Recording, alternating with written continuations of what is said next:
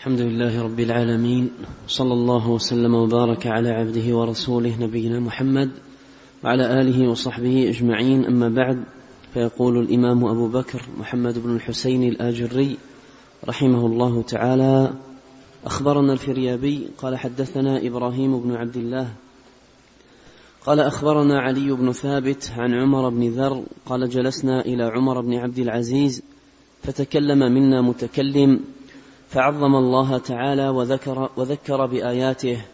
فلما فرغ تكلم عمر بن عبد العزيز فحمد الله وأثنى عليه وشهد شهادة الحق. وقال للمتكلم إن الله تعالى كما ذكرت وعظمت ولكن الله تعالى لو أراد ألا يعصى ما خلق إبليس. وقد بين ذلك في آية من القرآن علمها من علمها وجهلها من جهلها ثم قرأ فإنكم وما تعبدون. ما أنتم عليه بفاتنين إلا من هو صال الجحيم. قال ومعنا رجل يرى رأي القدرية فنفعه الله تعالى بقول عمر بن عبد العزيز ورجع عما كان يقول فكان أشد الناس بعد ذلك على القدرية. بسم الله الرحمن الرحيم. الحمد لله رب العالمين. وأشهد أن لا إله إلا الله وحده لا شريك له. وأشهد أن محمدا عبده ورسوله. صلى الله وسلم عليه وعلى آله وأصحابه أجمعين. اللهم علمنا ما ينفعنا وانفعنا بما علمتنا وزدنا علما وأصلح لنا شأننا كله ولا تكلنا إلى أنفسنا طرفة عين. أما بعد تقدم ما يتعلق بهذه الآية الكريمة واستدلال غير واحد من السلف بها على إثبات القدر. ما أنتم عليه بفاتنين إلا من هو صال الجحيم.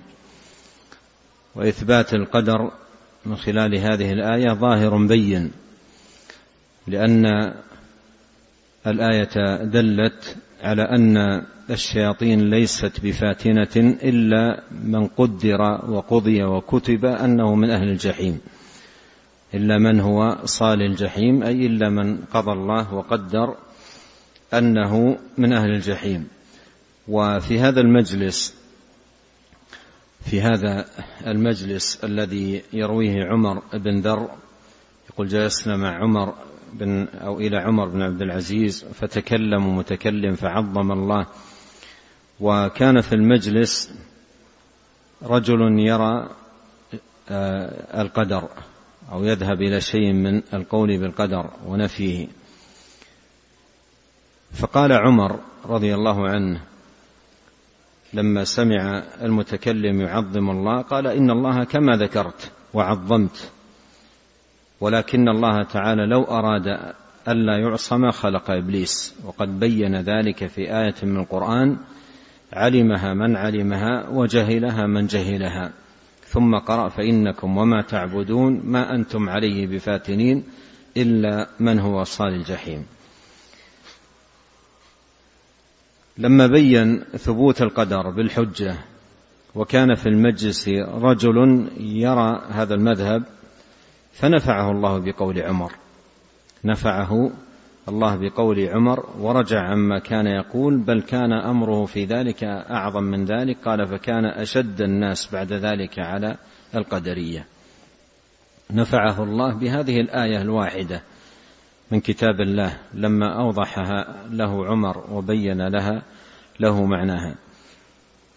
فمما يستفاد من هذه القصة أن الواجب على من آتاه الله سبحانه وتعالى العلم إذا كان في مجلس يعلم أن في فيه من يذهب إلى مذهب من المذاهب المنحرفة أن يبين أن يبين ويوضح بالدليل فما يدريه لعل كلمة واحدة أو آية واحدة يسوقها ويوردها في المجلس تكون سبب هداية أحد الحاضرين ورجوعه إلى السنة وتركه للبدعة والضلالة. نعم. قال رحمه الله تعالى وأخبرنا الفريابي قال حدثنا أبو كامل الجحدري قال حدثنا بشر بن المفضل قال حدثنا التيمي قال سأل رجل عمر بن عبد العزيز رحمه الله عن القدر فقال ما جرى ذباب بين اثنين إلا بقدر ثم قال للسائل لا تعودن تسألني عن مثل هذا. ثم أورد هذا الأثر عن التيمي قال سأل رجل عمر بن عبد العزيز رحمه الله عن القدر فقال ما جرى ذباب بين اثنين إلا بقدر؟ يعني بهذا المثال اليسير يوضح رحمه الله تعالى أن الأمور كلها بقدر. كل حركة وكل سكون من قليل أو كثير من دقيق أو جليل في هذا الكون لا يقع إلا بقدر فالأمور كلها بقدر حتى إن أنه ما طار ذباب بين شخصين إلا بقدر. ما طار ذباب بين شخصين إلا بقدر. فالأمور كلها بقدر. وقول عمر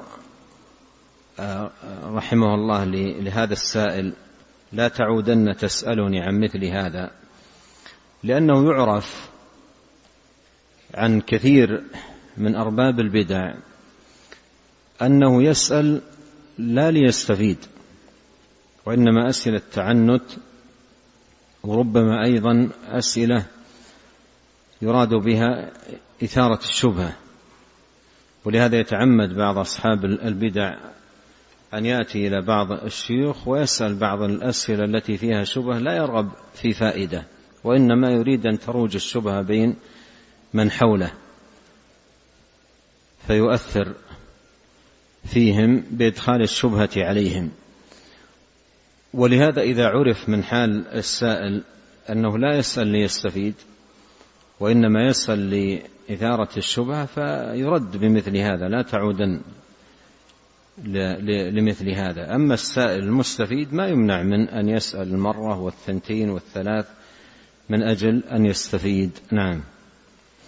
قال رحمه الله تعالى أخبرنا الفريابي قال حدثنا هشام بن عمار قال حدثنا الهيثم بن عمران قال سمعت عمرو بن مهاجر قال أقبل غيلان وهو مولى لآل عثمان وصالح بن سويد إلى عمر بن عبد العزيز فبلغه أنهما ينطقان في القدر فدعاهما فقال أعلم الله تعالى في عباده نافذ أم منتقض؟ قالا بل نافذ يا أمير المؤمنين. قال ففيما الكلام؟ فخرجا.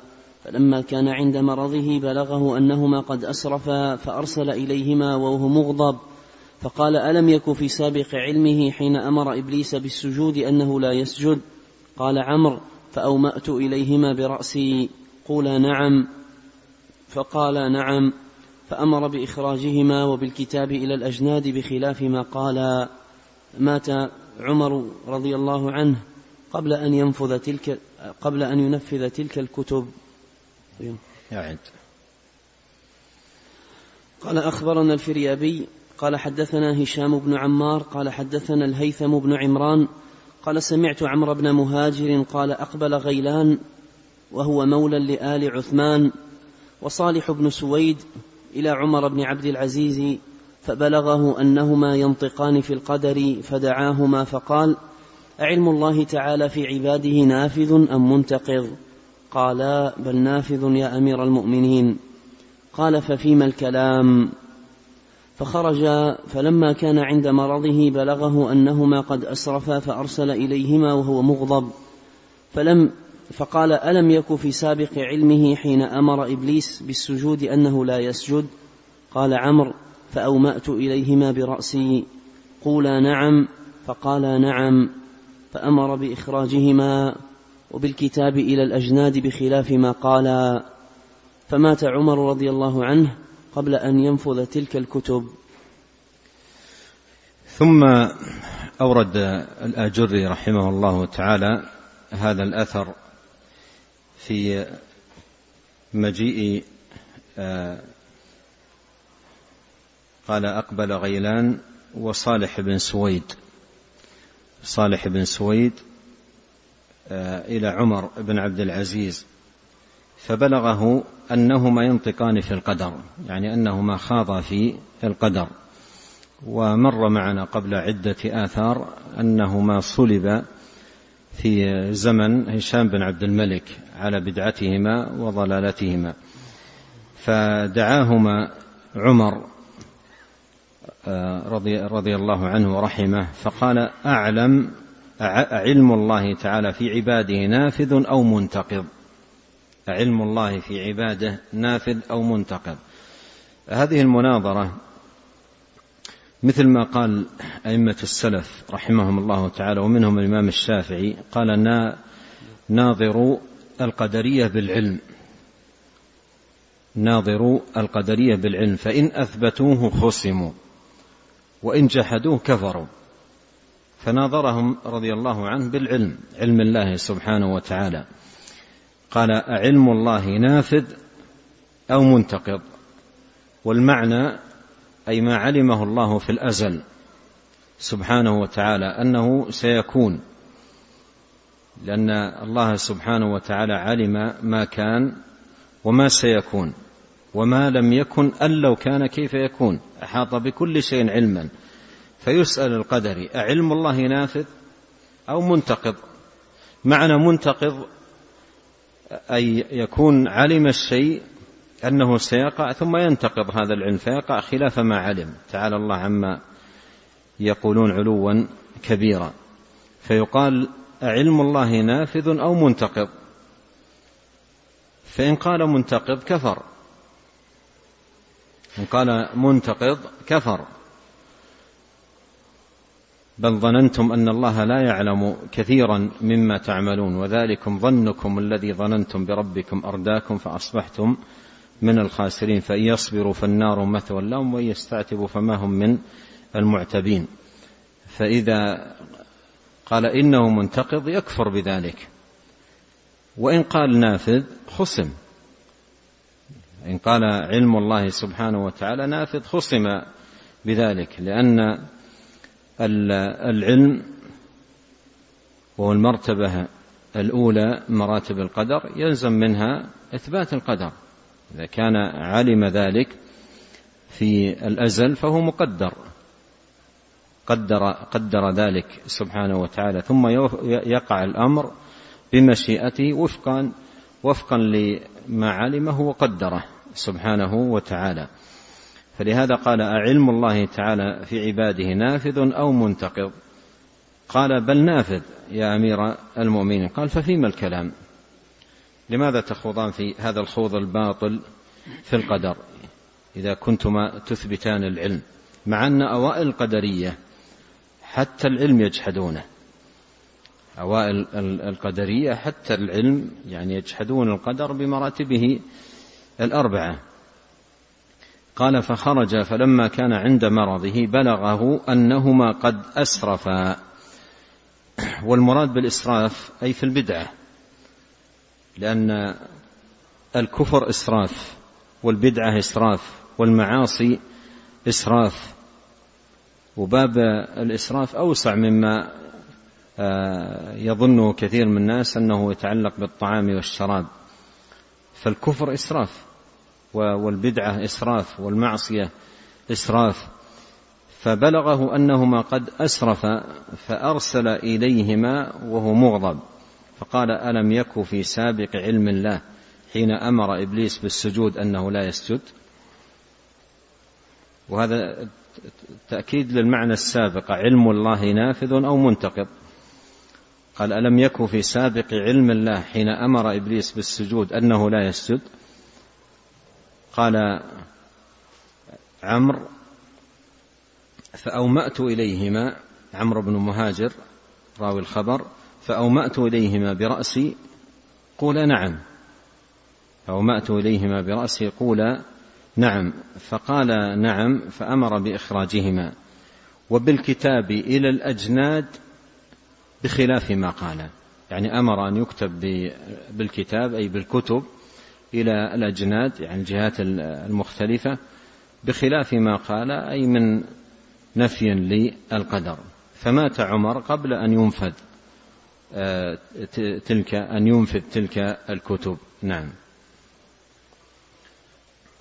قال محمد بن الحسين رحمه الله تعالى كان غيلان مصرا على الكفر بقوله في القدر فإذا حضر عند عمر رحمه الله نافق وأنكر أن يقول بالقدر فدعا عليه عمر. جزم رحمه الله جزم الآجري أن, أن قوله نعم ومر أيضا معنا سابقا يقول يكذبون علي. وأعلن أيضا التوبة عند عمر. فالآجري رحمه الله يقول فإذا حضر عند عمر رحمه الله نافق. يعني بإظهار أنه على الحق وعلى السنة وأن ما ينسب إليه كذب. وكل ذلك كان يقول في مجلس عمر نفاقا. نعم. فإذا حضر عند عمر رحمه الله نافق وأنكر أن يقول بالقدر فدعا عليه عمر بأن يجعله الله تعالى آية للمؤمنين إن كان كاذبا. فأجاب الله عز وجل فيه دعوة عمر فتكلم غيلان في وقت هشام هو وصالح مولى ثقيف فقتلهما وصلبهما.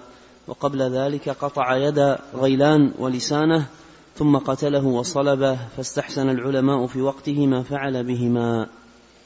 نعم. فهكذا ينبغي لأئمة المسلمين وأمرائهم إذا صح عندهم أن إنسانا يتكلم في القدر بخلاف ما عليه من تقدم أن يعاقبه بمثل هذه العقوبة ولا تأخذهم في الله لومة لائم نعم ولا يخفى أن هذه العقوبات من شأن السلطان.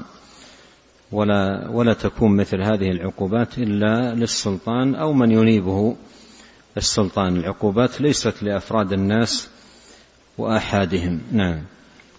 قال رحمه الله تعالى وحدثني أبو بكر عبد الله بن محمد بن عبد الحميد الواسطي.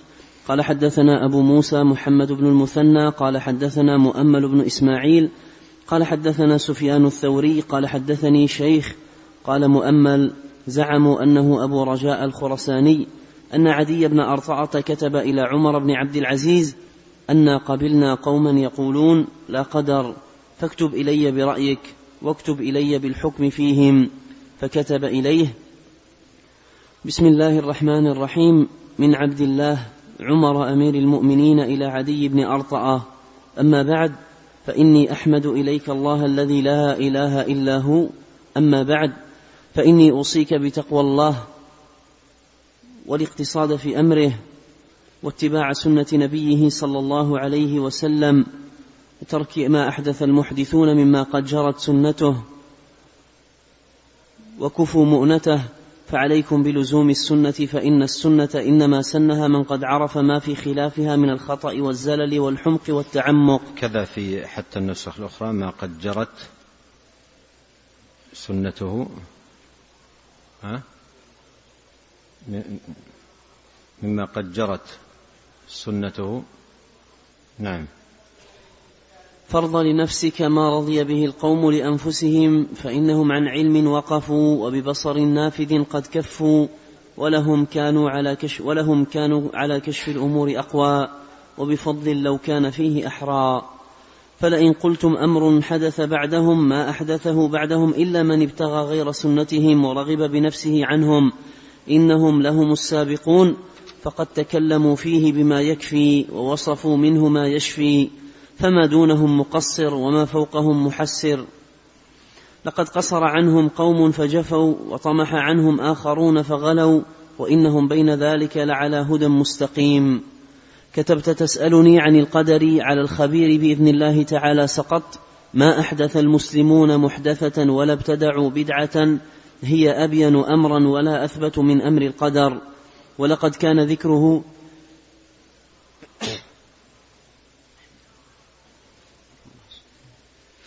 ولقد كان ذكره في الجاهلية الجهلاء يتكلمون به في كلامهم ويقولون به في أشعارهم يعزون به أنفسهم عن مصائبهم ثم جاء الإسلام فلم يزده إلا شدة وقوة ثم ذكره مثل قول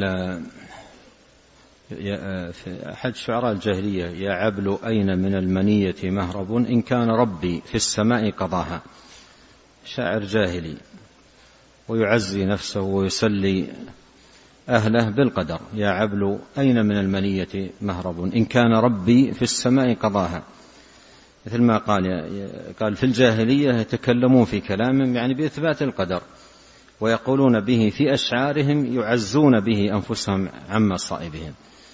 نعم.